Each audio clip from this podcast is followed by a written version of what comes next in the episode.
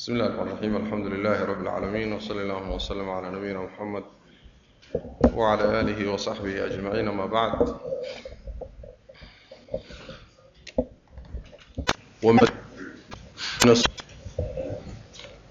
dadka ahlu sunnuna ay mareen dariiqada waxaa ka mida tarku nadari fiirada laga tago fii kutubi almubtadicati dadka mubtadicada kutubtoodoo la fiiriyo.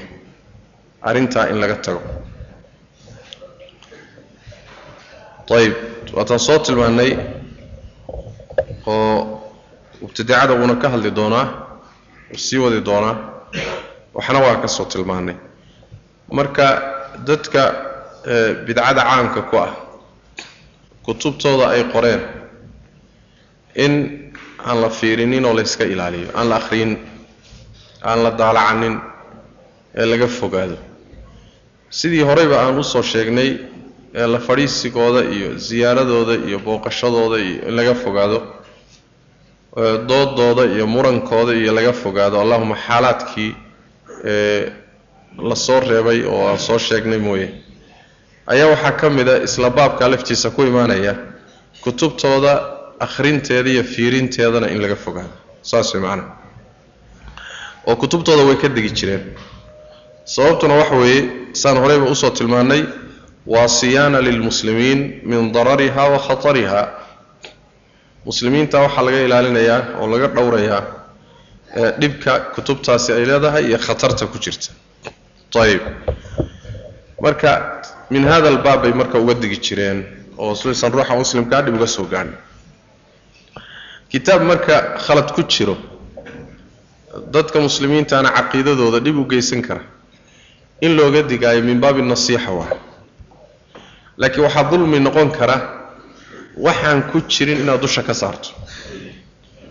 Taas gaalkana lama ogola mubtadicana lama ogola faasiqana lama ogola. Taa waa min baabi dulmi waay ruuxu wuxuusan ahayn iyo waxaan jirin inaad dusha ka saartahay ama kitaabka waxa uun ku oolin aada saartahay taasi waa dulmi laakiin wixii ku yaalay inaad sheegto dadka uga digtahay taasi ma aha muxuu ahaayey waa min baabi nasiixa way markaa macana ayib rasuulka salawaatu rabbi wasalaamu calayh ayay ka sugan tahay xadiis sanadkiisu uu xasan yahay in uu ka digay kutubta ahlulkitaabka ahlulkitaabka kutubtooda akhrintooda inuu uga digay saxaabadda salawaatu rabbi wasalaamu calayh.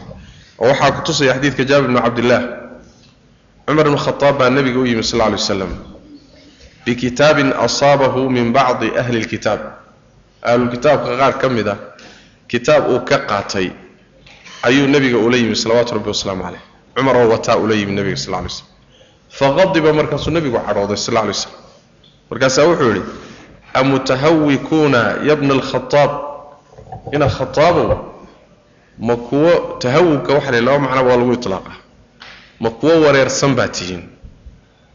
Oo waxu caddayn waa la dhihi karaa. Oo tahawaka bimacnaa taxayara way ku timaadaa tahawugka waxaa kaloo la yidhaahdaa ma kuwo haadaan ku dhaca hayaa tihiin. Meel khatar oon laga soo bixi karin alwuquuc fi lhuwa yani haadaan iyo booraan aan laga bixi karin ma god baad ku dhacaysaan. Macnahana waa ku timaadaa kelimada. Amutahawikuuna yabna alkhataab buu ku yidhi waladii nafsii biyadihi laqad ji'tukum biha naqiyatan waxaan idinla imid buu nebigu sal lay wasalam allaha naftaydu gacantayda ku jirtaan ku dhaartay waan idinla imid risaaladan iyo fariintan alla iisoo dhiibay. ayada oo saafi aan idin keenay waay iyadoo cad oo sidii ilaahay iigu soo dhiibay baan idin soo gaadhsiiyey laa tas'aluuhum can shayin fayukhbiruukum bixaqin fatukadibuu bihi aw bibatilin fatusadiquu bihi saas way macnaa nimankaa waxa weydiisanina. Nimanka ahlulkitaabka yahuudiya nasaarada ah haddaad wax weydiisaan laba miday noqone. Ama xaq bay idiin sheegayaan kutubta ku taalla. Markaasaad beeninaysaan. Dee kutubtii towraad iyo injiil ha bedelaan qaar ka mida laakiin qaar saxsan baa weli ku yaallo hadalkii rabbi ah. Kulli lama wada bedelin marka waxaa dhici karta intay wax idiin sheegaan inaad beenisaan oo tilaan waxba kama jiro ood markaa khatar gashaan.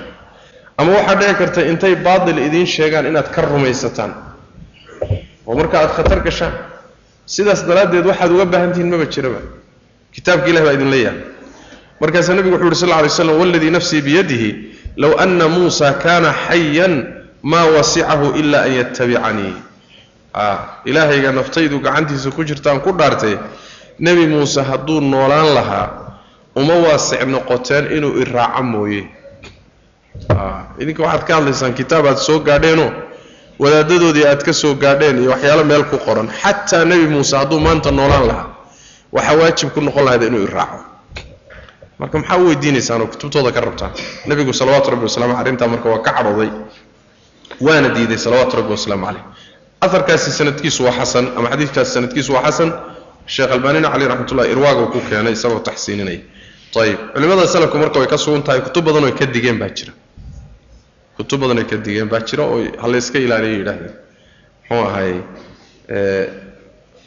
kutubtaasi taqriiban in badan oo ka mida waxaa ururiyey. Ninka la yidhahdo mashhuur xasan salmaan kitaab wuxuu leeyahay kutubun xadara minha alculamaa saas la yidhahdo laba mujallad ah.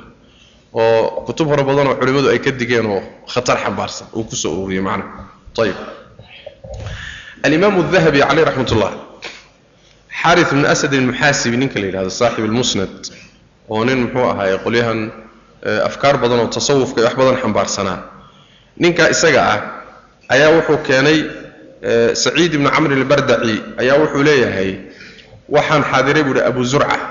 Abu zurcat alraazi waa imaamkii muxadidka ahaa wey.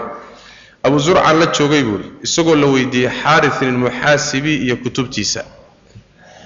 markaasuu wuxuu ku yidhi ninkii su'aasha lahaa.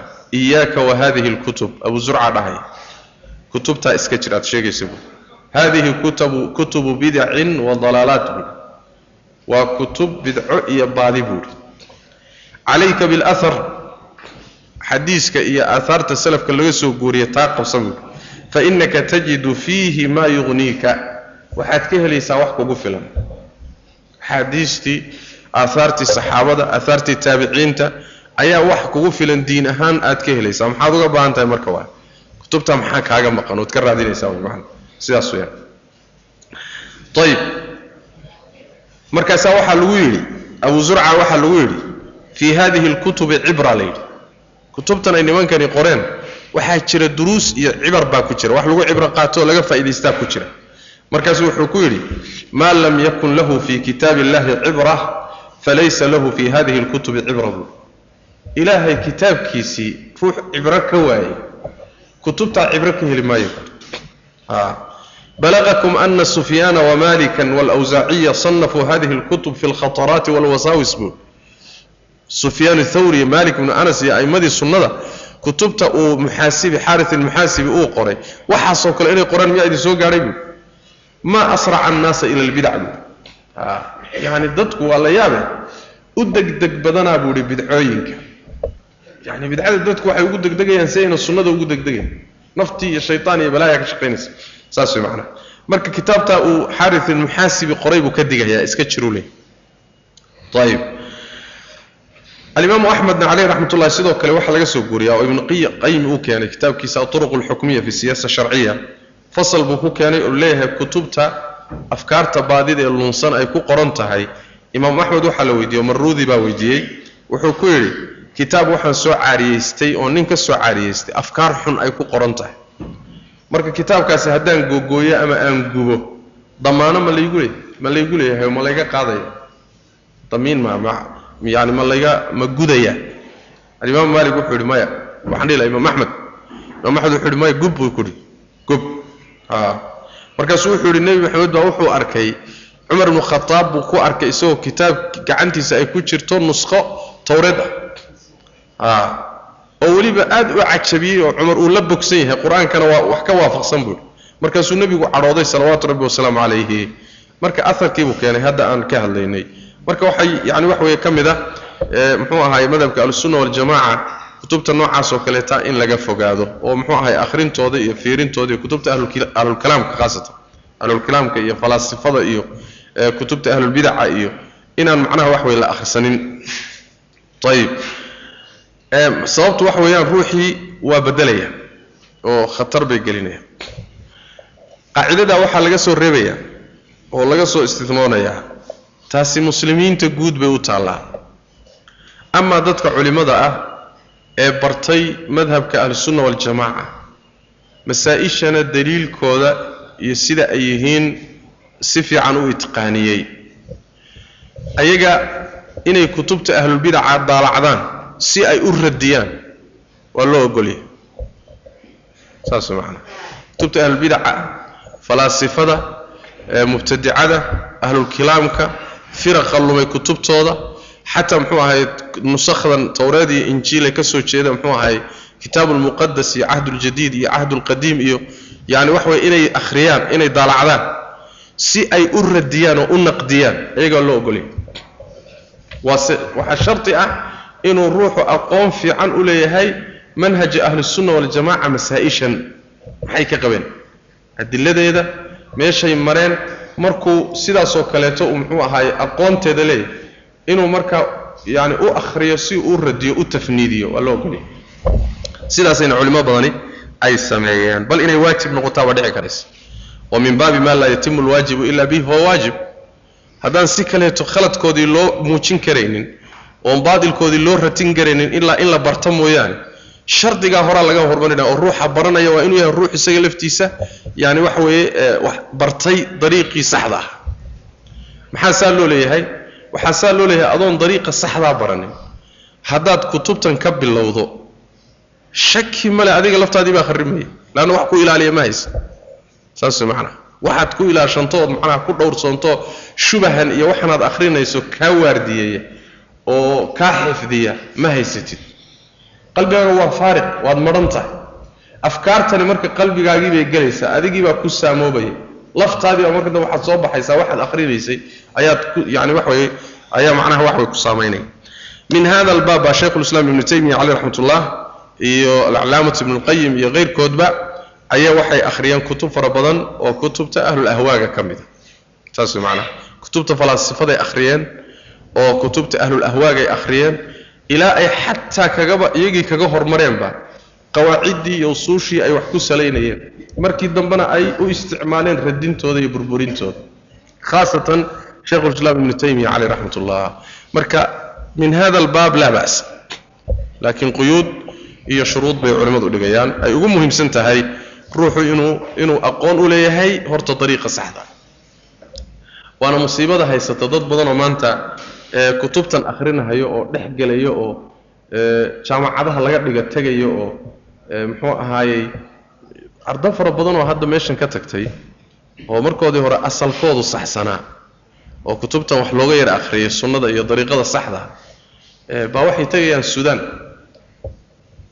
Jaamacadaha waxaa laga dhigo afkaartii ashaacirada iyo maaturidiyada iyo afkaartii kharibnayd baa laga dhigaa falsafo asal ah cilmulkalaam baa asal ah waxay tegayaan masar bay tegayaan.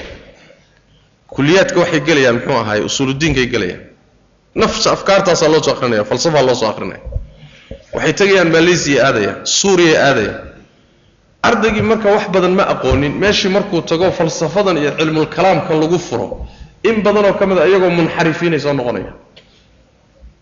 Ayagoo munxarifiina ood leedahay war malaha intiisi yaraydee meeshan uu la joogay baaba u dhaantayba laytahu inuusan aadin baa u dhaantay. Haddana kaaga daranta markay afkaartaa khariban la soo noqdaan wixii in ay wax dhegaystaan oo wax akhristaan oo madhabkii ahlu sunna iyo kutubtiisii akhriyaan oo culimmada ka dhegaystaan oo haddana waxoogaa uma badna. Leanna waxa weye waa jaamici waa dictor waa magister waxoogaa shahaaduu wataa madaxa u buuxa. Alkaadu waxu sheeg markaas. Wuxuu ku leeyahay wadaadka masaajidka wax ka sheesheegaya muxuu sheegi shahaado saraan wata anugu. Warnihood kharibanta waxbaa kaa hallaabay oo bii-a ku kharibtay. Marka yaani masaladaasi waa mas'alo aad iyo aad khatar u ah. Muxuu ahaayey madhabkan iyo manhajkan saxda ana halis badan ku haysa ardadiisii iyo dadkii wax soo barayna halis badani ay meeshaas kaga wajahan tahay wey macnaha marka inuu ruuxu in badan anigu waxaan kula taliyaa ardada meelaha aadaysa inay xataa ka fogaadaan muxuu ahay kuliyaadka mawaadda noocaas oo kalea laga dhigayo. Wax nafci leh maada keenin. Waxunbaad kharibi aduna waad kharibanta saas macnaha marka inuu ruuxu leeyahay asaas hore intuu markuu gelayo waxyaabahan oo akhrisanayo oo dhegaysanayo ujeeddada uu dhegaysanayana ay tahay inuu radiyo ee aysan ahayn inuu xaq ka raadiyo. Marka horena uu haysto wiqaayo iyo wuxuu isku ilaaliyo oo aqoontiisu dhisan tahay. Haddii shuruudaa la helo markaa laa ba'sa bay culimmadu leeyihiin ama haddaan shuruudaa lahayn ka fogow. Waa middaas macnaha waxa weeyaan. Ha akhrisanin markaa macnaha ayib walisqaa'i wa tarku lisqaa'i baa sunnada ka mid u dheg raaricinta in laga tago ilaa kalaamihim hadalkooda loo dheg raariciyo in hadalkooda loo dheg raariciyo oo bimacnaa waxa weeyaan in la dhegaysto majaalistooda la xaadiro duruusahooda la dhegaysto muxuu ahaaye warkoodu dhegtaada ku dhaco aad wax ka raadiso taa iyadana muxuu ahaa in laga tago ayaa sunnada ka mida macnaa. Uma bannaana in la dhegaysto. Leanna waxaaso dhan waxaa laga baqayaa inuu qalbigaaga wax kaga dhego. Madhabkoodu iyo fikirkoodu kula qumanaado. Marka aad madhabkii sunnada iyo muctaqadkii saxda aad ka fadisho oo tiraado war wixii horen haynaba wax meesha ku jira wax jiraba maahayn saas way macnaha marka inaad dhegtaada ka xidhato. Dhegtaada inaad ka xidhato. Leanna waxa weye waxaad ku talagelaysaa. Dad badani waxoogaa way isyara mahadiyaano wuxuu ku leeyahy war aniga waxbaa ii kala baxsan waxbaa ii kala baxsanoo nin hadda muxuu ahaay wax ka khaldamayaan ma ihi waa garanayaa maxaa saxsan maxaa khaldan? Ninkii hadda loo baqi lahaa ma ihi buu ku leeyahy waa ismahadinaya markaasuu waxyaabahan intuu dhex galo buu inxiraafayaa leanna qalbigaaga adiga ma hubtid. Haddaadan wiqaayada iyo taxadar ka qaadanin oodan mawaadinta noocaasa ka fogaanin ood ismahadisood waxoogaa kalsooniya muujiso qalbigu sidiisaba aad buu u jilicsan yahay. Shubahaadkana ugu jilicsan yahay. Saas way macnaha waxaa laga yaabaa wax yar oo ku gaadhay oo dhegtu intay maqashay ee qalbiga u gudbisay. Adigoo dhanba qalbigaaga inuu bedelaa dhici karayso. Saas way macnaha marka taxadar ahaan in laga fogaado wa sidaa way siday a'immada salafku tilmaamayaan. Alimaam lalakayi wuxuu soo saaray kitaabkiisa yani wax weeyaan uu ku keenay macmar buu ka warinaya. Macmar wuxuu yidhi ibnu taawuus ayaa wuxuu meel wuu fadhiyey buu yidhi. Marka waxa u yidhi nin muctazili muctazili ah. Markaasuu wuxuu bilaabay buu ihi inuu hadlo. Muctaziligii markuu u yimid wuxuu bilaabay inuu hadlo. Wax sheeg sheego. Ibnu taawuus marka labadiisa farood buu labada dhagood geliyey. Yacni labada dhagood buu faraha gashaday markaasuu wiilkiisi wuxuu ku uhi ay bunaya adkhil asbicayka fii udunayka washdud. Wiilkaygiiow wiilkiisaa meesha fadhiya. Labada gac farood dhagaha gasho kuna adkee buuhi weliba. Wax yarna ha bannaynin aad ugu adkee. Laa tasmac min kalaamihi shay buuhi ninka hadalkiisa waxba ka maqlin wax yar yuusan dhegtaada gaadhin yacni wuxuu ka wadaa buuhi macmar markuu sidaas leeyahay. Macmar baa wuxuu leeyahay markuu isaguna dhagaha faraha gashaday wiilkiisana uu dhagaha faraha gasho. Wuxuu ula jeedaa buu leeyahay yacni ana alqalba daciif. Waa imaam weyn oo a'immadii sunnada ka mid ahoo caalim ah wuxuu u samaynayaa wuxuu leeyahay qalbigu waa tabardaraya qalbigu waa tabardaraya wamaa yudriinii maxay ogeysiiyey wax yar intaan yani wax weeyaan fududaysto. Inayba qalbigaygiiba shubha ku dhegto oo arigaba aan khatar galo. Sooma suuroobi karto? Marka saas daraaddeed waa taxadar wey macna sharxu usuuli ictiqaadi ahli sunna waljamaca kitaabkiisaasuu ku keenay lalakaai aharka isaga. Wakadalika waxaa kaloo uu soo saaray bisanadihi ilaa ismaaciil ibnu kharija wuxuu ihi laba nin baa waxay u soo galeen moxamed ibnu siriin waa taabici. Ninka horena taabici ba laba ninoo ahlulahwaaga ka mida firqooyinkan lunsan ka mida ayaa waxay u soo galeen moxamed ibnu siriin taabicigii jaliilka ahaa. Markaasaa waxay ku dhahen ya abaa bakrin nuxadiuka bixadii bay yidhahdeen abubakarow sheekaan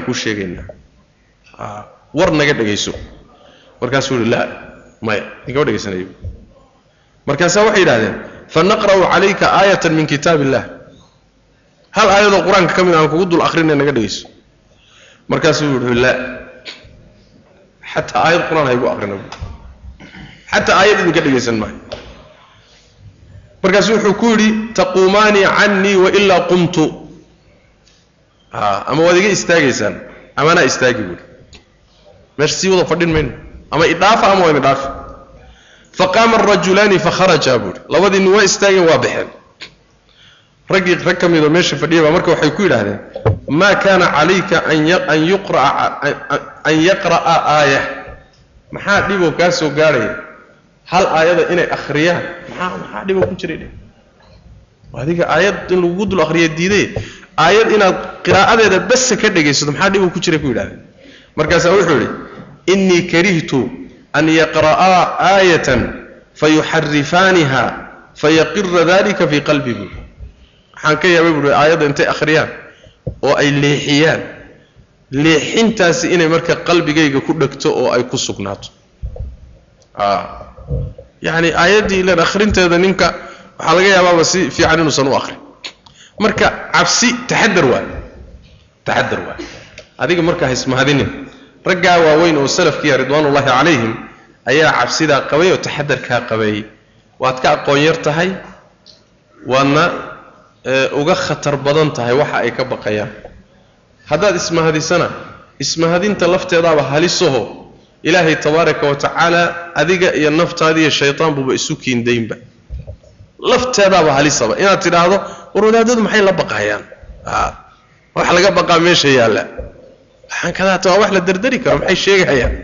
War maya u kaadi laysma mahadiyo.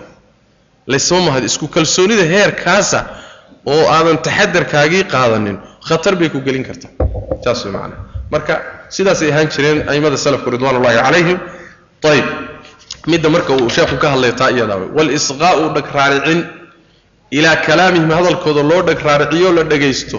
Taa in laga tagana sunnaday ka mid tahay. Arrintaa iyada in laga fogaado sunnada ayay ka mid tahay macnaha. Ayib wa kullu muxdathatin shay kastoo dib laga keenay fi diini diinka dhexdiisana la soo darrisiiyey. Kullu muxdathatin arrin kastoo la soo darrisiiyey fi diini diinka dhexdiisa la soo darrisiiyoo dib laga keenay bidcatun waa bidca buuri shay kasta oo diinta lagu soo daray dibna ka yimid waa bidco. Saasuu sheekhu leeyahy ayib shardi waa inuu muxdath yahay. Waa inuu muxdath yahayoo ixdaadka waxa la yidhahdaa waa shay aan jirin oo gadaal laga keenay waay waa soo darrisiin dib baa laga keenay. Haddii aan dib laga keeninoo wakhtigii nebiga uu jiray salawaatu rabbi wasalaamu caleyh wakhtigii saxaabadiisa uu jiray asal uu diinta ku leeyahay markaa shay cusuboo dib laga keenay ma aha. Bidcana la dhihi maayo. Soo ma? Laakiin waa inuu muxdath yahay qeydka labaadi waxa weeye waa inuu ixdaadka iyo soo darrintu ay tahay diinka dhexdiisa. Shay diin laga dhigayo waa inuu yahay. Hadduu shaygu adduunye ku saabsan yahay waagii horena uuna jirin laakiin dib laga keenay laakiin diinba kuma saabsana. Wax ilaahay loogu dhawaanayo mabahaba waa adduunyuu ku saabsan yahay. Isagana bidco weeye lama yidhaahdo. Bidcada oo sharciga ah baa laga hadlaya bidca sharciya ma noqdo saas macnaha. Labada qeyd baa marka ayuu sheekhu sheegay. Labada qeydbana nusuustaa ku tusaysa waa xadiiskii nabiga ku tusaya salawatu rabbi wasalaamu calayh man axdatha fii amrina hada maa laysa minhu soomaya man axdatha waa inuu muxdath yahay. Midda labaadna fii amrina hada oo amru diin ah. Labadaa qeyd haddii mid la waayo shaygu bidca ma noqonayo. Hadduusan muxdath ahaynna dee diintii buu sal ku leeyahay markaa bidca maaha haddii uu diinta uusan ku saabsanayn oo adduunye u yahayna bidca maaha saas way macnaha oo nebiga salawaatu rabbi wasalaamu calayh xadiiskii saxiixa ku yimid waa kii saxaabada ku yidhi bacriminta muxuu ahaye timirta iyo beerta iska daaya iyadaa iska bacrimi.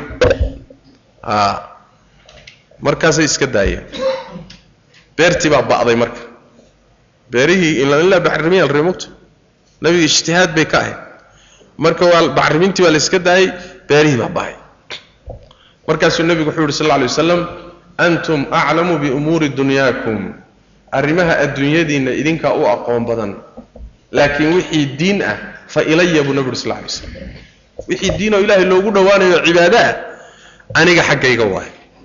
Amaa wixii adduunyadiinna ah idinkaa u aqoon badan bacrimiya beera fala sameeya baabuur soo saara kombyuutar keena muxuu ahaayey diyaarad keena hawl idin taalla waay amuu adduunye ma amuu diinye diin ma waa adduunyo. Adduunyada waxaa la fiirinayaa uun shaygani manaafacaadkiisa iyo amuu jawaanibta qaarkood shareecada khilaafsan inaha unbaa laga fiirinaya inuu asal ahaan uu uuna shareecada khilaafsanin unba asala mooye laakiin antum aclamu biumuuri dunyaakum amaa wixii diin ah oo ajir lagu rabo oo ilaahay janno lagaga doonayo oo cadaab lagaga cararayo oo ilaahay lagu raali qalinayo waa in ay nebiga laga hayo salawaatu rabbi wasalaamu caleyh waa inuu qur'aanka iyo sunnada uu sal ku leeyahy halkaa waa in laga helo way macana haddii kale wuxuu noqonaya bidcuu noqonaya tacriifka ugu roonee lagu qeexo bidcada waxaa la yidhahdaa waxaa iskale alimaamu shaatibi caleyh raxmat ullah fi lictisaam cibaaratun can ariiqatin fi ddiin buuri mukhtaraca tudaahi sharciya. Yuqsadu bisuluuki calayha almubaalaqatu fi اtacabudi lilahi subxaanahu. Waxa weeyaan macnaa waa dariiqo oo diinka ah. Dariiqo oo ruuxu samaysto jid diinka dhexdiisa ah oo la bilowdo. Ama adaa bilowday ama sheekh kaa horreeyey baa bilaabay ama koox baa bilowday. Nebi maxamedna ma bilaabin saxaabadiisana lagama hayo gadaal baa la bilaabay. Waana dariiqo diinta muxuu ahaay ku dhex jirto diin laga dhigay. Tii saxda ahaydee diintana loo ekaysiinayo. Loolana qastayo raacidda iyo maridda la marayana loola qastayo in lagu xeel dheeraado ilaahay caabudidiisa.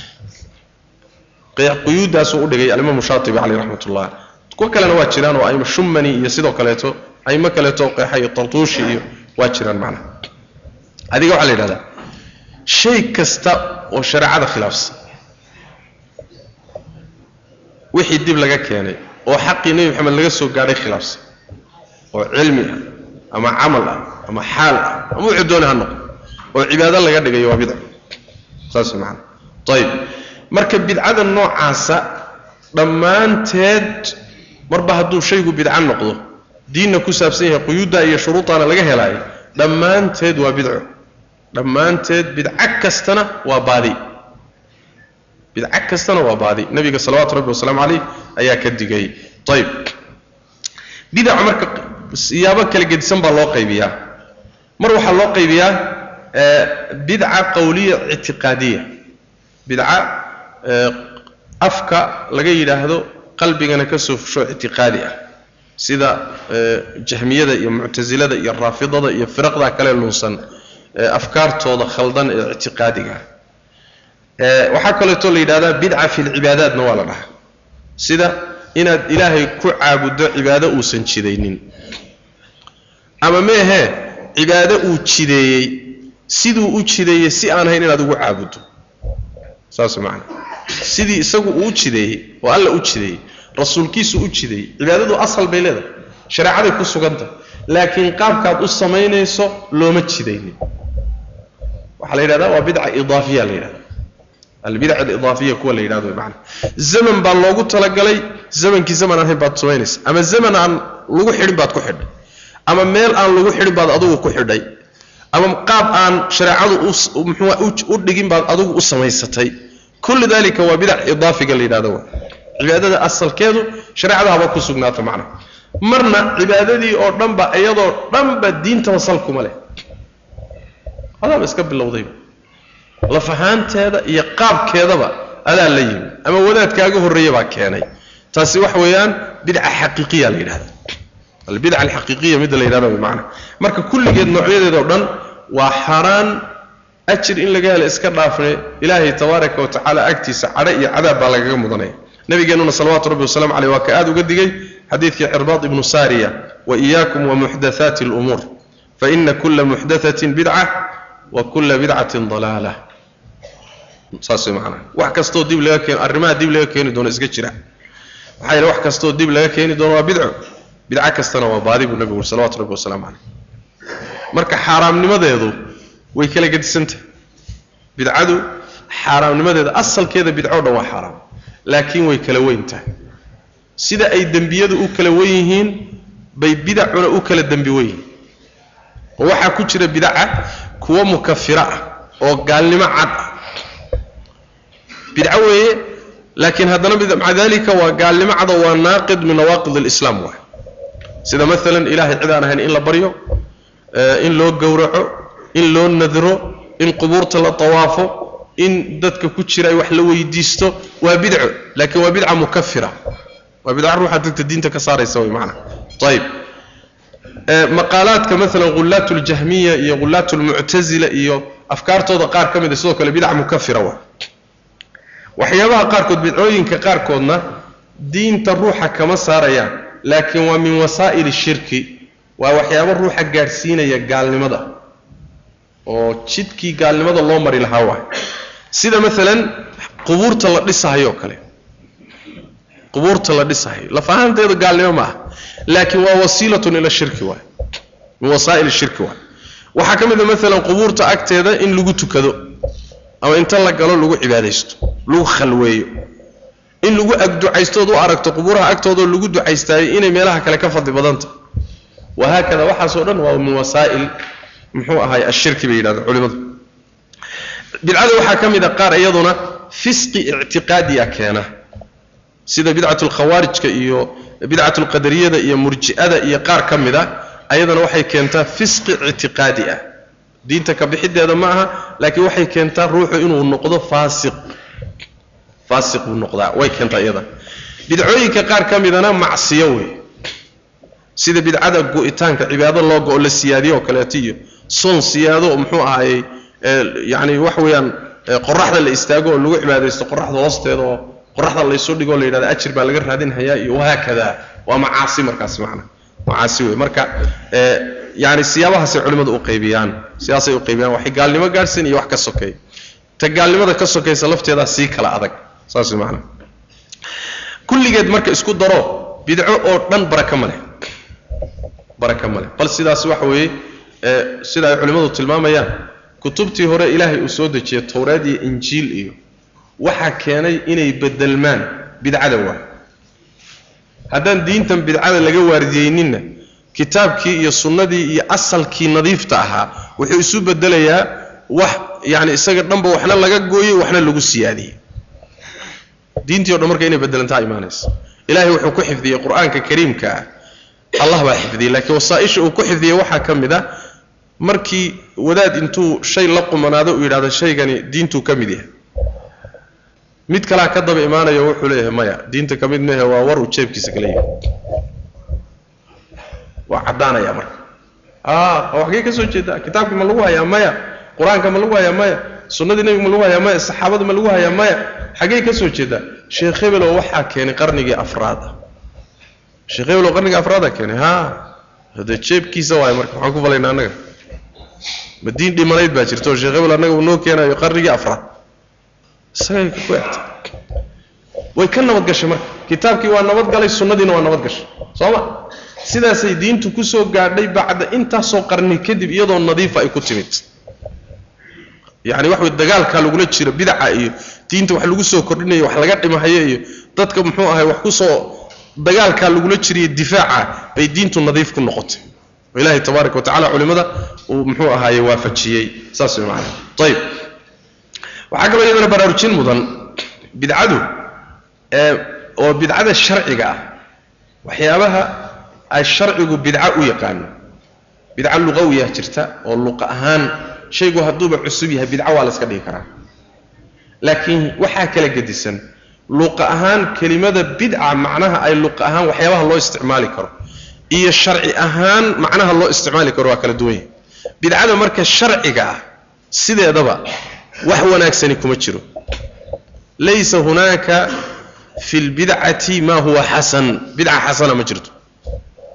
Kulligeed bidcadu waa midda sharcigee kulluha madmuuma wa kulluha muxarama wa kulluha dalaala.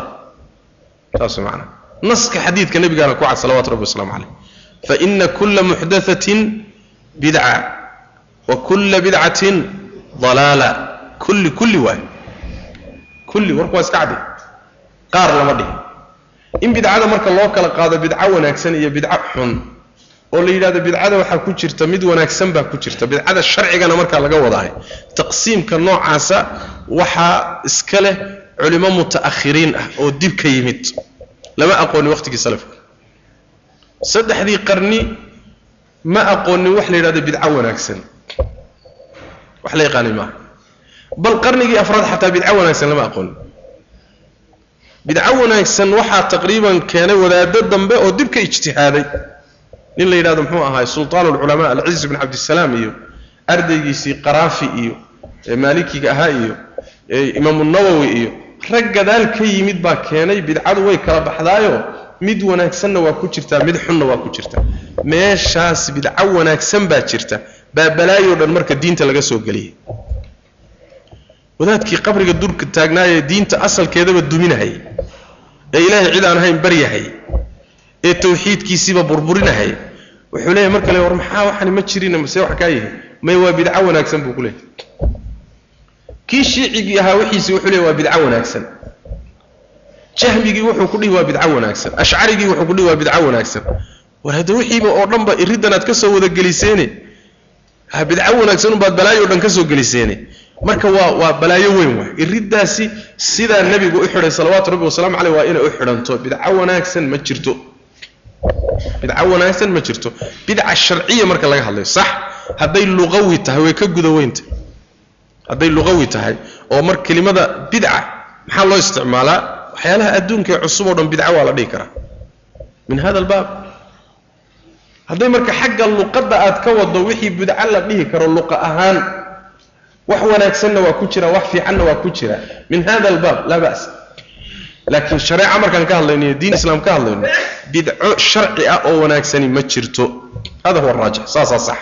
Saas way macana ayib wa kullu muxdathatin shay kastoo la darisiiyey fi diini diinka dhexdiisa la darisiiyey bidcatun waa shay cusubo bidca ah shareecaduna ay diiday oo ka digta wey macana wa kullu mutasammin mid kastoo isku magacaabo bigayri lislaami islaamka waxaan ahayn wasunnati iyo sunnada waxaan ahayn waxaan sunnada dariiqadii nebiga iyo islaamka waxaan ahayn ruuxii isku magacaabay mubtadicun waay waa mid bidca wata waay waa mid bidca la yimi wuxuu ka wadaa magaca aada isticmaalayso haddaad muslim baan ahay tidhaahdo muslimnimada haddaad hoos uga degtana aad tidhaahdo sunni baan ahay.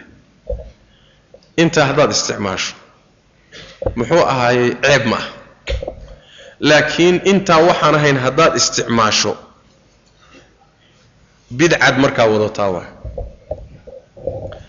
Macnaha waa macnaha daahirka ah ee hadalka sheekha laga fahmayo. Laakiin hadalkiisa dambaa qaydi doonoo soo socdo ujeeddada uu wataayo waxa weeye muslim baan ahay sax. Sunni baan ahayna waa sax. Oo ahlu sunnaan ahay magacyo waxaa jira loo isticmaalo afkaarta khariban ee qalloocsan iyo firqooyinka lunsan. Magacyo waxaa jira ay loo isticmaalo oo ay leeyihiin. Magacyada noocaasoo kale ah inaad isticmaasho ood isku itlaaqdo oo tidhahdo maalan jahmi baan ahay ama aad tidhahdo raafidi baan ahay ama shiici baan ahay ama aad tidhahdo maalan ashcari baan ahay ama aad tidhaahdo qaadiri baan ahay ama aad tidhahdo uweysi baan ahay ama aad tidhahdo zaylaci baan ahay waa warkii soomaalide wax afkaar khariban magac ka turjumaya. Inaad u nisbo sheegatood sheegataay waxay ka turjumaysaa bidcadii magacan lagu yaqaanay baad marka xambaarsan tahay waa. Ilmagacan maxaa loo yaqaanay? Magacani wuxuu magac u yahay oo uu ku tusayaa afkaar khaldan soo ma? Magacii noocaaya afkaarta khaldan ku tusaya markaad adigu ku abtirsato mubtadic baa tahay oo afkaartii khaldanayd baad wadataa wa saas maana wuxuu keeni doonaa masaa-isha diinta markii aad ku khaldanto inxiraafka ah oo firqooyinku ku lumeen magacyada la isticmaalayo markii baabkaa la joogo waa inaad tidhaahdo abtirkaagu waa inuu yahay muslim baan ahay. Muslimtee waa la wadayaha lagu dhihi sheekh. Annagu managa gaala? Ashcariyaanu nahay gaalana ma nihin oo muxuu ahay muctasilaan nahay gaala ma nihin ashaaciraanu nahay oo gaala ma nihin ayib sunni baan ahay dhimarkaa ahlu sunnaan ahay sunni baan ahay ahlu sunna waljamacana la yidhahdaa dariiqadii nebigaan haynaa iyo saxaabada. Waanan ku midaysannaho iyadaasaan isku raacsannahay. Amaa idinku soo maaha sunnadii waad ka leexateen. Magacaasaa marka soo baxay. Magaca in la sheegto sunni baan ahay oo ahlusunna la yidhaahdo waa magacyadii ugu horreeyee soo baxa wey taqriiban intaan xusuusnay magacyadan hadda la isticmaalo. Oo saxaabada qaarkood bay ka sugan tahay ahlu sunna dadka toosan inay magacaa u isticmaaleen. Sida cabdullahi bin cabbaas oo kaleeto sax qur'aan kuma imaanin xadiis nebina kuma imaanin magaca. Laakiin saxaabadii qaar ka mid a isticmaalay oo dadka dariiqii saxaabada haya ahlu ku magacaabay. Ahlu qolada kalena ahlulbidac ama ahlulahwaa saasoo kale u isticmaalaan. Marka way sugan tahay. Taabiciintii rag ka mid a isticmaalay. Waana musطalaxaadkii ugu horreeyoo soo baxa wa marka ahlu sunna waa loo yaqaanay. Dadka dariiqa toosan haya ahlu sunna loo yaqaanay.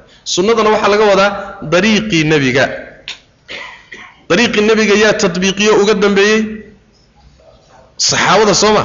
Marka dariiqii nebiga iyo saxaabadiisa yaa uga dambeeyey a'immadii quruuntii saddexda ahaa. Dadkaasi jidkay mareen dadka haya baa la yidhaahdaa ahlu sunna. Marka haddaadan magacyadaasi ay isticmaali jireen aad ka baxdo oo aad ku abtirsato ama sheegato magacyadii qolyihii luunsanaa afkaartoodu kharibnayd magacyahooda haddaad sheegato magacaasi ruuxa xambaarsani waa mubtadicun saas way macana ayib istinadan baa wax badan inoo caddayn doona oo uu sheekhu soo wado macna. Ayib yaa sidaasi noqonaya waa su'aal marka. Su'aashu waxay tahay goormo ayaa maalan magacan sheegashadiisu aada mubtadic ku noqonaysa wuxuu leeyahay alimaamu shaatibi caleyh raxmat ullah firqo lunsan wuxuy noqon kartaa kooxdu oo firqo firaqda daallada ahlul ahwaaga lagu tilmaami karaa laba arrimood markii laga helo. Laba arrimood midkood marka laga helo. Waa midda koobaada inay ku khilaafsan yihiin dariiqii saxaabada iyo salafka kulliye ka mida kulliyaadka shareecada. Asal weyn oo usuusha shareecada ka mida markay ku khilaafaan dariiqii ahlu sunnaha waa firqa lunsan markaa maalan aslu lasmaa wasifaat maalan aslu liimaan aslu saxaaba. Usuushaa waaweyn hadday mid ka mida ku khilaafsan yihiin firaq daalla way markaa ama ma ahee asal weyn kuma khilaafsanaa laakiin jus-iyaad bay ku khilaafsan yihiin dariiqii ahlu sunnaha. Jus-iyaadkay ku khilaafsan yihiinna waa fara badan yihiin markaana firqa daalla baa la dhahaya marka firqa lunsan goormaa la dhihi sida shaatibi uu leeyahay laba goor. Kulliya min kuliyaati shariica hadday khilaafkoodu noqdo. Iyo ma ahee jus-iyaad bay ku khilaafsan yihiin jus-iyaadkuna waa fara badan yihiin. Markaasay noqonaysaa firqa daalla. Ama haddii khilaafku u yahay jus-iya ama jus-iyaad aan badnayn taa cid ka nabadgashay baa iska yar buu leeyahay. Saas way macnaa oo markaasi ma keenayso in loogu xukumo firqa daalla firqa daalla sidaasuu marka leeyahay ficlanna waxaan is leeyahay waa daabidka iila dhow intaan akhriyey ama aan arkay iila dhowey macnaha wax weeyaan. Marka la leeyahay firqa ayaa noqonaya calaa ayi asaas baa lagu noqonaya. Saas way macnaa wa kullu mutasamin bigayri alislaam. Mid kastoo isku magacaabay bigayri alislaami wasunna sunnada iyo islaamka waxaan ahayn mubtadicun waaye.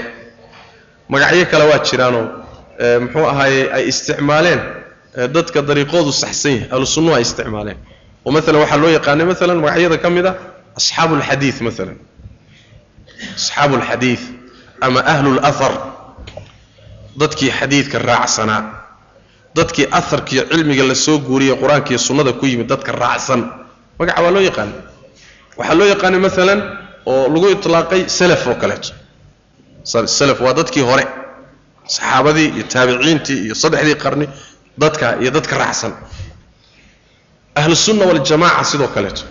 Waa magac. Ayadana ay isticmaali jireen loo yaqaanay waay walow firqooyinka qaarkood oo dariiqa ka lunsan ay magacaas ayaga laftooda isu yaqaanaan. Oo ayba ayba iska xijiyaan xataa dadka intooda kale.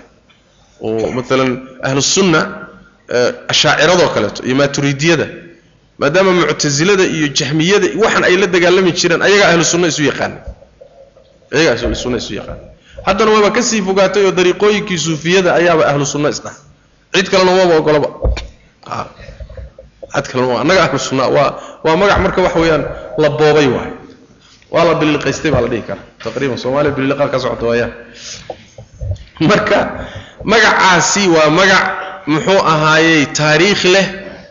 Magac sidaasi intuu ku tago koox kharibani ku qaadato sidaa ku taga inuu noqdona sax ma ah magacu waa magac casiis ah waana magac loogu talagalay in loona isticmaalay kutubtana ugu yaalla. Dadka ku socda sunnadii nebiga iyo qur'aanka raacsan kuna midaysanee furqada iyo kala tag iyo khilaafka aan ku sifaysnayn. Labadaa tilmaamood marka dadka laga hela ahlusunna waljamaca la yidhaha laakiin asalkii ugu weynaaba diinta adoo duminaya oo qubuur iyo balaayo hoos kor fadhiyo oo caabudahaya oo ilaahay cid aan ahayn u yeedhanaya waa asalka diintuba ka bilaabataba adoo kaa duminaya haddaad la fadhiisato ahlu sunnaan ah ahlu sunnan ah nin walba wax waa sheegan karaa way taas. Waa iska fududahay muxuu ahay ruux inuu muxuu ahay uu nin aan wax sheegan karin ma jiro. Mid baa iska imaana wuxuu dhihi samada anaa iskale soo ma dhihi kartid.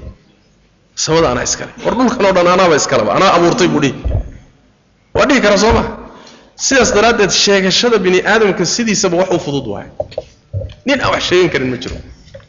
Laakiin nebigu muxuu yihi salawatu rabbi wasalaamu caleyh law yucta annaasu bidacwaahum ladacaa rijaalun amwaala qawmin wa dimaa'ahum dadku nin walba wuxuu sheegto un haddii laysaga ogolaan lahaa layska siin lahaa. Rag baa waxay sheegan lahaayeen dad xoolahooda iyo dhiiggooda. Laakina albayinata cala almuddaci. Ninkii wax sheegsase waa in caddayn la weydiiyo waay burhaankeen in la yidhahdo waay. Saasaa wax u kala baxaya sheegashada waa lagu wada fiican yahay laakiin maxaa kala saaraya? Waxaa kala saaraya ruuxii wax sheegta waa in la yidhahdo caddayn saar markhaati saar daliil saar. Hadduu saari waayo soo maa waa beenaale. Hadduu wuxuu sheeganaya caddayn saaro markhaatigeedii caddaynteedii keenayo burhaanteedana markaa waa saxsan yahay taa un baa lagu kala bixi mooye laakiin sheegashadu waa fududa kullun yaddaci waslan bilayla waay kullun yaddaci waslan bilayla walayla laa tuqiru lahu bidak niman gabadh isku qabsaday nin walbuu leeyahay heble anay jecesha layla anay jeceshahay buu leeyahay. War kuma jecle anay jecesha war maya wallahi anay jecesha anay soo fiirisay. Anay maalina la fadhiisatay. Anay jecesha war kuma jecel anay jecesha rag baa isku haysta. Layla raggan dagaalamahaya ee anay ijeceshahay iyo anay irabtaada ku haya mid ay ka war haysamaba jiraba. Layla waa un lagu hardamahayahay laakiin ayadu warkan waxbaba kama ogaba midna ma jeclo raggan ka mid marka sidaas bini aadamku waa sidaas iyada waa la iska qaadan waa la iska sheegan waka. Laakiin adiga waxaad u baahan tahay markaad doonayso shayga xaqiiqadiisa inaad isdul taagto waa inaad burhaanta iyo daliilka sheegashada raadiso. Taasaa wax kuu kala saari oo xaq iyo baatilka aad ku kala baxaysaa maana ayib waxaa ka sugan alimaam malik ibnu miqwal ninka la yidhahdo wuxuu dhihi jiray ida tasama arajulu bigayri اlislaami wاsunna faalxiqhu biayi diinin shita buu dhihi jiray ruuxu magaca islaamnimada iyo sunnada waxaanayn hadduu sheegto oo magacyo kale uu sheegto waxaad haleeshiisaa ood ku dartaa diintaad doonto. Diin kale un raaci macnaha. Cabdullahi ibnu cabbaasna sida muxuu ahaayey alibaana ibnu bata ku yimid wuxuu dhihi jiray man aqara bismin min hadihi alasmaa'i almuxdatha magacyahan dib laga keenay mid ka mida ruuxii qira faqad khalaca ribqata alislaami min cunuqihi. Yacni waxa weye mareegtii islaamka qoortiisa wuu ka siibay yacni islaamkii qoorta ugu jira isagoo dhan intuu iska siibay buu tuuray buu leeyay magacyahan dib laga keenay cabdullahi bn cabbaas uu sheegayo waa magacyahan khawaarijta iyo raafidada iyo shiicada iyo ilaa magacyahii iyagu la noolaayeen kuwaasay ahay kuwa soo gaaray kuwaas ahayn jahmiyada balaayada. Ayib oo wuxuu ka mid ahaa saxaabadii dee cimriyey buu ka mid ahaa. Waxyaalahan waxbay ka soo gaadheenoo markay faafeen macnaha wax way joogeen. Ayib wuxuu yihi sheekhu marka wa kullu mutasamin mid kastoo isku magacaabay bikayri lislaami iyo wasunnati mubtadicun weeye karaafidatiba weeye? Sida raafidadoo kaleeto wuxuu inoo sheegayaa marka magacyadaas in laysku magacaabo oo lagu abtirsado ay ka dhigan tahay ruuxu inuu mubtadic yahay. Tiibuu marka tusaalayaal iyo miaallo ka bixinaya. Karaafidati raafidadii oo kale waa. Magaca raafidadoo kaleta wey man ayib araafida waa firqo ka mida firqooyinka shiicada. Ila shiicadu firqooyinkeeda aad bay u fara badan tahay marka koox ka mid a raafido la yidhaahdo. Kelimada rafdigana asalkeedu waa diidada. Waa diidada. Rafadtu baad leedahay waan diiday. Waxay magacaasi ka yimid bay leeyihiin oo looga bixiyey. Ninka la yidhahdo zayd ibnu caliy ibnu xusein ibnu cali ibn abi aalib zayn caabidiin ayaa waxay ka dalbadeen raafidadu inuu ka beri noqdo abubakar iyo cumar abubakar iyo cumar ka beri noqoy dheh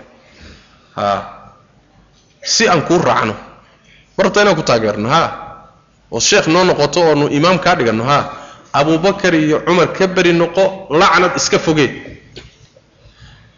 markaasaa wuxuu idhi bal atawallaahumaa kama beri noqonaye? Waan xigsanayaa waana jeclaanayaa. Muxuu ahaayey waana muxuu ahaayey waa waa waa waa aimmadanadii waa wa atabara'u miman tabara'a minhumaa buuri labadoodaa ciddii ka beri noqotayna beri baaban ka ahay buuri markaasaa waxay ku yidhahdeen idan narfuduka a haddaabaad abubakar iyo cumar soo dhowaysatay annagu marka ku diidnay halkaasaa looga bixiyey raafido raafida halkaasay kala bixeen magacaasi halkaasuu ka yimid ayib qolyihii zayd ibnu caliyin raacay oo markay qoladani diideen oo yidhahdeen maadaama abubakar iyo cumar aad wadato annagu kaa tagnay. Qolaa ku hadhay marka. Oo zayd ibnu caliyi markaa imaam ka dhigatay. Qoladaasi waa qolada la yidhahdo zaydiyada. Oo iyaguna shiicada ka mid. Azaydiya nisba ilaa zayd ibni caliy ibni xusein ibni caliy bn abi aalib waaye waana qoladan inta badan u badan muxuu ahaayey muxuu ahaayey yeman iyo maqrib alcarabi iyo meelo badan bay ka jiraan shiicada yemanna ayagaa u badan. Shiicada yeman zaydiyada u badan. Waxaana la yidhahdaa waa aqrab firaqi shiica ila sunna. Kooxaha shiicadaas dhammaantood marka laysku daro zaydiyada ugu soo dhow xagga sunnada. Zaydiyada ugu soo dhow. Oo ragga aima macnaha ku jiray zaydiyadaas. Marka halkaasi ku kala baxeen zaydiyadu waa qoladii zayd ibnu cali ku hadhay raafidaduna waa qoladii diiday ee ka beri noqotay waay firaqda marka raafidadu way fara badan yihiin laftooda. Raafidada lafteedaa kooxa sii kala ah. Kooxda ugu caansani waa nimanka la yidhaahdo ina cashariyada. Alina cashariya. Waana waajihada hadda asaasiga ra'iisiga ah ee hadda shiicadu ay leedahay. Casrigan hadda aan joogno oo madhabka raafidiga iyo shiiciga u taagan ee dowladdan iiraan firaqdaasi inta badan waxay ku faafsan yihiin iiraan oo dowladdan hadda ka talisa ciraaq qoladan hadda qabsaday bakistan bay aada ugu nool yihiin firqadan raafidada itna cashariyada ah. Hindiya muslimiinta ku nool in badan bay ku nool yihiin waxay kuleeyihiin bay ku leeyihiin. Suuriya iyo libnaan sidoo kaleeto wahaakada. Qolyahan muxuu ahay xisbulislaam maxaa la yidhahda maxaan dhihi lahaa xisbullah xisbulislam xisbullah ee hadda muxuu ahay libnaan ka dagaalama waa raafid itna cashariyada waa. Qoladan hadda ciraaq qabsatay itna cashariyada waa. Khaliijka kuwan ku jira kooxaha ah mujtamacaadka waa itna cashariyada waa itna cashariyada waa macna nimanka raafidada waa macna. Marka yani aad bay u xoog badan yihiin. Waa firqada ugu xoog badan firqooyinka shiicada hadda. Saas macna. Ayib raafidada marka nimankaasaa la yidhahda raafidada nimankaasaa la yidhahdaa. Shiicadu leanna waa ka guda weynta. Markii shiico la yidhaahdo shiicadaa ka guda weyn raafidada. Shiicadu ama raafidadu waa koox ka mida shiicada shiicaduna way kooxo kaloo fara badan baa soo gelaya markii shiico la yidhahdo ayib marka sidaas weeye muxuu ahaayey raafidadu marka qolyaha ugu xun bay ku jiraan. Madhab ahaan marka la yidhaahdo qolyaha ugu xun bay ku jiraan. Madhabkii jacfar ibn moxamedin asaadiq ayaan haysanaa bay yidhaahdaan oo afkaartiisii baan ku soconnaa iyo aimo ka horraysayba laakiin waa madhabka ugu xun ugu xun bay madaahibta ugu xun bay ku jiraan macnaha ayib afkaartooda marka la yidhahdo ha la ururiyo horta itna cashariya waxaa loogu magacaabay itna cashariya waxaa loogu magacaabay labi iyo toban imaam. Ayaa madhabkoodu ku salaysan yahay. Labiyo tobanka imaam oo kala dambeeya oo midba mid uu hawsha u dhiibay bay rumaysan yihiin imaamka ugu horreeya waa caliy ibnu abi aalib bay imaam ka dhigtaan. Xasan ibnu caliy bay ku xijiyaan. Xuseen bay ku xijiyaan. Caliy ibnu xusein bay ku xijiyaan oo ka afraad ah. Moxamed ibnu caliy ibnu xusein baaqir ayay ku xijiyaan. Jacfar ibnu moxamed ibnu caliyin oo jacfar asaadiq ah bay ku xijiyaan oo midka lixaad ka dhigaan. Midka toddobaad muusa ibnu jacfar alkaadim ninka la yidhaahdo. Caliy ibnu muusa baa midka sideedaad caliy rida bay dhahaan. Moxamed ibnu caliy ibnu muusa aljawaad bay dhahaan. Caliy ibnu moxamedin aljawaad waa ninka tobnaad oo annaqiyi bay ku yaqaanaan.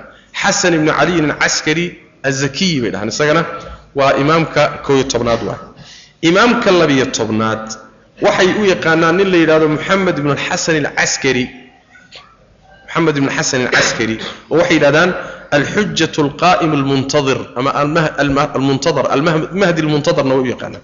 Ayib kaa dambe marka labiyo tobnaad wax jira ma aha. Maba jiraba alxasan ibni caliyin alcaskari oo imaamka koow iyo tobnaad ah baa waxay yidhaahdaan wuxuu dhalay wiil wiilkii markuu dhalay waa wiilkan hadda la yidhaahdo maxamed maxamed bin xasan.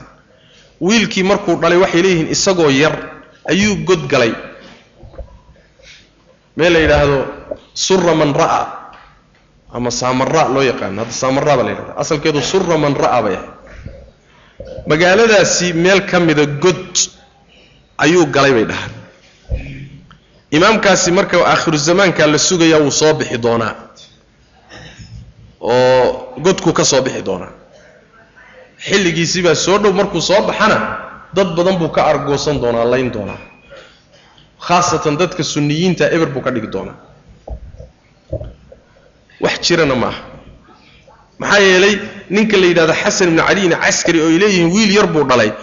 Wax ka tarmay iyo wuxuu dhalayba lama hayaa la yidhi. Waa khuraafo marka. Wiil yar baa godgaloo la sugahayaa ma jiro imaamkaa labiyo tobnaad marka wax jiro oo raad lamaba ahaba. Ragga kale fikirkoodan ay sheeganayaan iyo abtirkan ay ku abtirsanayaan a'immadan waxaa loo tiiriyaa sunnadaa loo tiiriyaa. Maca hafawaad jira. Haddana maca dalika fikirkan shiicadu been abuurad buu u badan yahay ay ku been abuuranayaan macnaha ayib.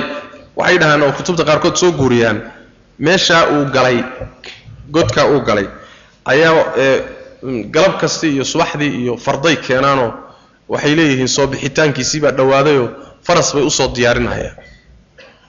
Markii qoraxdu dhacdo wax soo baxa ay waayaanna way ka hoydaan. Haddana galabtu way soo kalahaanoo fardaa la keenaayo. Waa un wax noocaasay ku jiraan. Khuraafo un ku noolow adigo marka yani waxa weye aimada labiyo tobankay sheegtaan ay yidhahdaan itnaa cashariyada loogu bixiyey. Labiyo tobankaa imaam wey macana ayib marka muctaqadaad bay leeyihiin itnaa cashariyadu khaas ay leeyihiin oo aad u fara badan afkaartooda way fara badantaha waxaa ka mid a tawxiidkooda iyo asalka diintooda ugu weyn. Waa masalada imaamada la yidhahdo wa alimaamu macnaha waxay ka wadaan imaamka dadka u talinayaay waa in nasan nasan waa in nebigu markuu dhimanayay salawatu rabbi wasalaamu calayh cali bni abi aalib buu xilka u dhiibay nasan calinah markuu tegayey wuxuu u dhiibay nasan wiilkiisa wiilkiisuna wuxuu u dhiibay wiilkii ka sii dambeeyey. A'immadani mid kasta madaxnimadu ijtihaadna kuma timaado. Doorashona kuma timaado. Magacaabis oo weliba nas ah waa inay ku timaaday qabaan. Saas way macana waana masaa-isha ugu khatarsan ee asalba u ah diintoodaba asala masalada imaamadaba a'immada marka sidaa ku imaanahaya ee ay rumaysan yihiin ayaa waxay marka qabaan inayna dadka la mid ahayn. Waxay qabaan inay macsuumin yihiin. Imaamiyadoodu inay macsuumin yihiin sida nebiyadoo kaleeto. Ma gafaan wax ma halmaamaan ma khaldamaan dembi ma galaan waxa ay ku hadlayaan waa wax qalbigooda alla ku soo rido sidii waxyi oo kale ah. Waa macsuumiin. Saas daraaddeed a'immada hadalkooda waxay ka dhigan yahay sidii nas ilaahay soo dejiye oo kale saas maanaa sidii nas ilaahay soo dejiye oo kale ama rasuulku ku hadlo oo kale ayuu ka dhigan yahay macna. Saas way macna. Oo waxay leeyihiin xataa waxay leeyihiin a'immadoodu xaqu taxliil wataxriim a'immadoodu waxbay xalaalayn karaan waxna waa xaaraamayn karaan. Awood bay u leeyihiin waxaa ka mid a maalan waxay leeyihiin haddaad ilaahay baryayso imaamka magaciisa haddaadan qabsanin lagaa aqbali maayo baryada.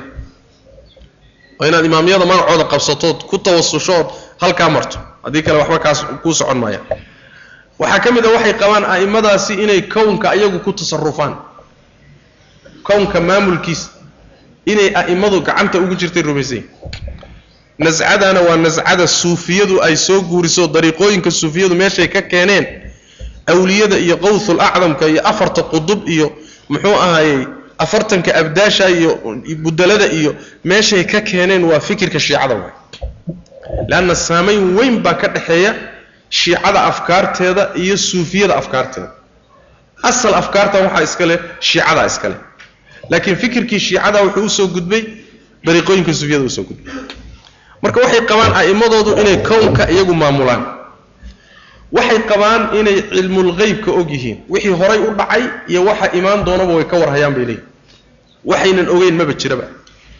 Waxaa ka mid ah meelaha mashaahidda iyo qubuuraha ay weyneeyaan in la aado oo siyaaro loo aado oo la soo baryo oo la soo dawaafo oo wax laga raadsado baa ka fadli badan xajka in la soo aado. Saas daraaddeed u fiirsada eeraan iyo dowladahan shiicada ah xajka uma weyneeyaan.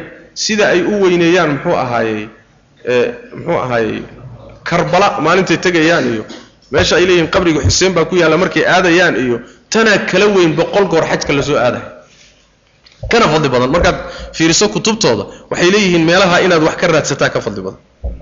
Halkaasi nasca dariiqooyinka suufiyadu ay soo guuriyeen weeye iyaduna. Oo kutubta suufiyada waxaad ku arkaysaa qabriga sheekh uways haddaad tagto intaasoo goor xaj bay u dhigantaa. Meelaha qaarkood wuxuu ku leeyahay xajka isagaa ka fadli badan. Adigu qabriga sheekh uways un tag sheekh hebel tag. Khalaas xajba kuma laabnaba qubuuraha qaarkood waxay u sameeyeen waqooyigaasay ka jirtaa sheekh maxaa la sheekh sheekh maxamays wadaad baa jira qabriga waqooyiga laga buuqo. Awbar miyuu ah mid baa jira. Marka wuxuu leeyahay qaababkii xajka oo dhan buu leeyahay. Meel la orduu leeyahay meel lagu dawaafuu leeyahay meelo la masaxuu leeyahay acmaashii xajka in badan oo ka mida wax u eg bay meesha u sameeyeen. Fikirkan marka xaggee buu ka imaanayaa fikirkan waa nasca ka imaanaysa shiicada ka yimid waa. Halkaasuu asalka ku haya laakiin annaga maanaan garan xaggee waxaanay nagaga yimaadeen.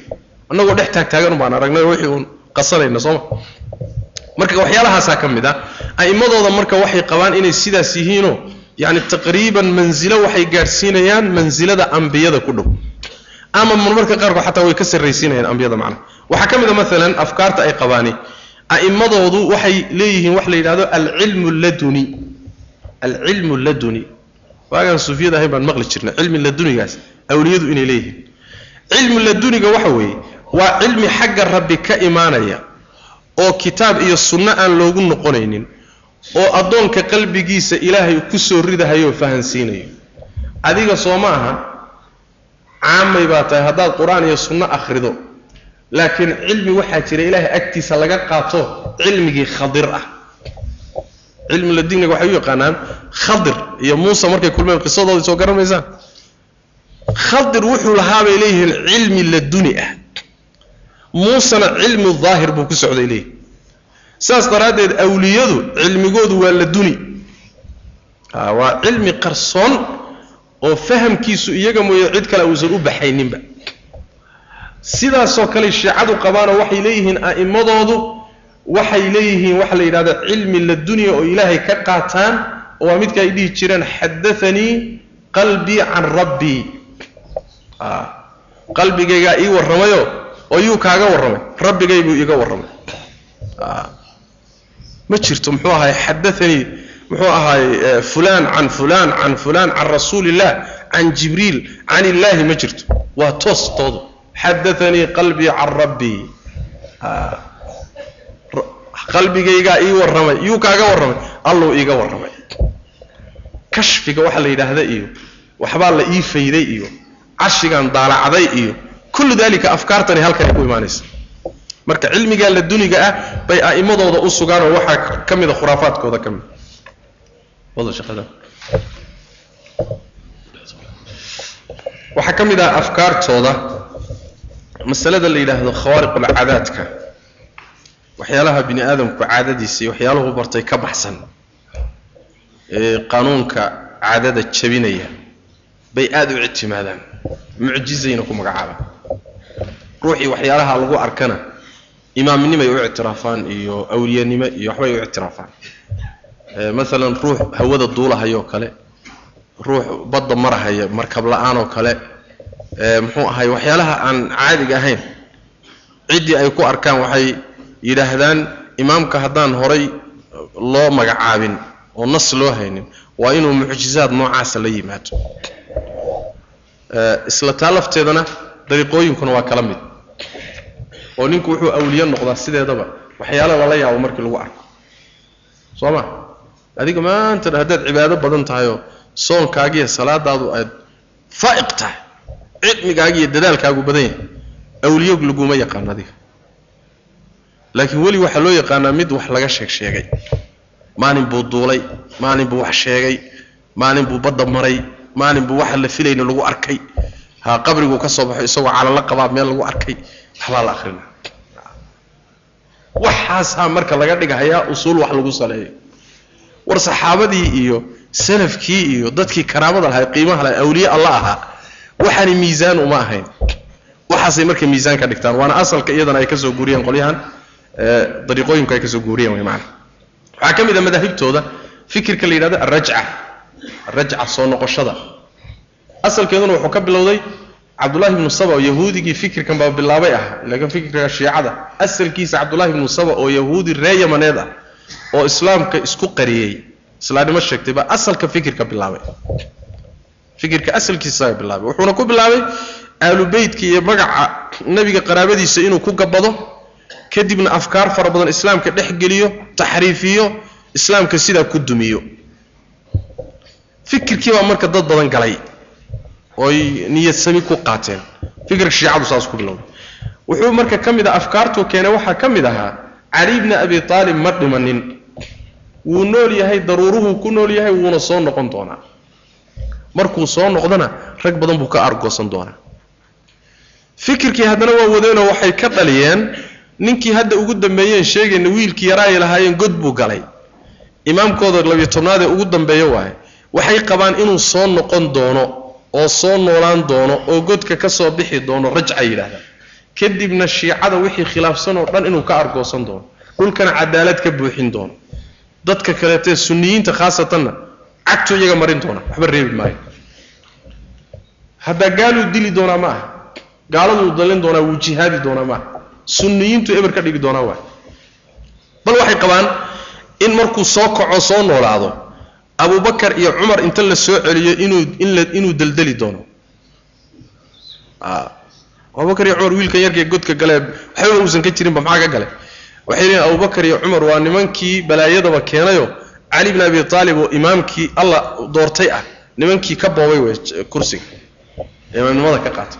Labadaa inta la soo nooleeyo buu deldeli doonaayo iyaga dhanba layn doona ayib saasay qabaan.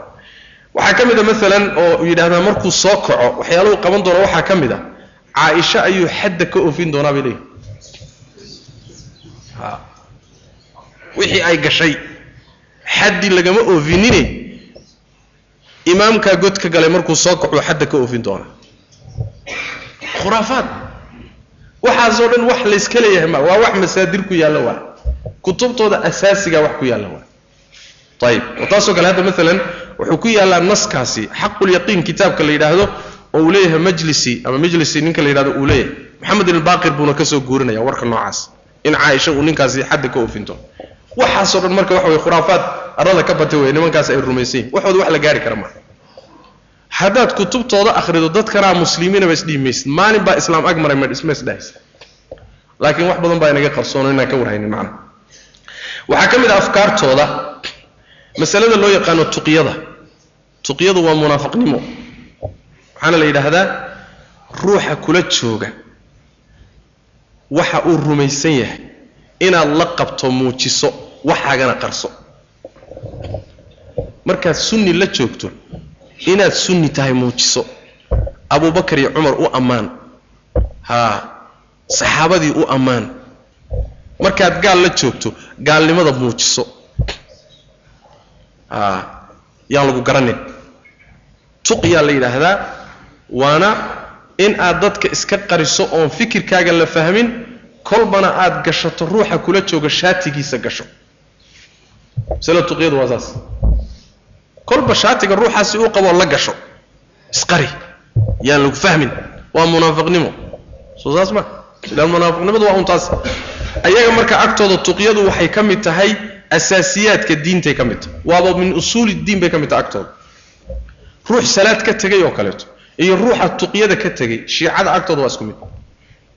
Haddaadan tuqyada ka tagto salaad inaad ka tagta la dembita waa waajib in aad ku dhaqantana waa laga maarmaan.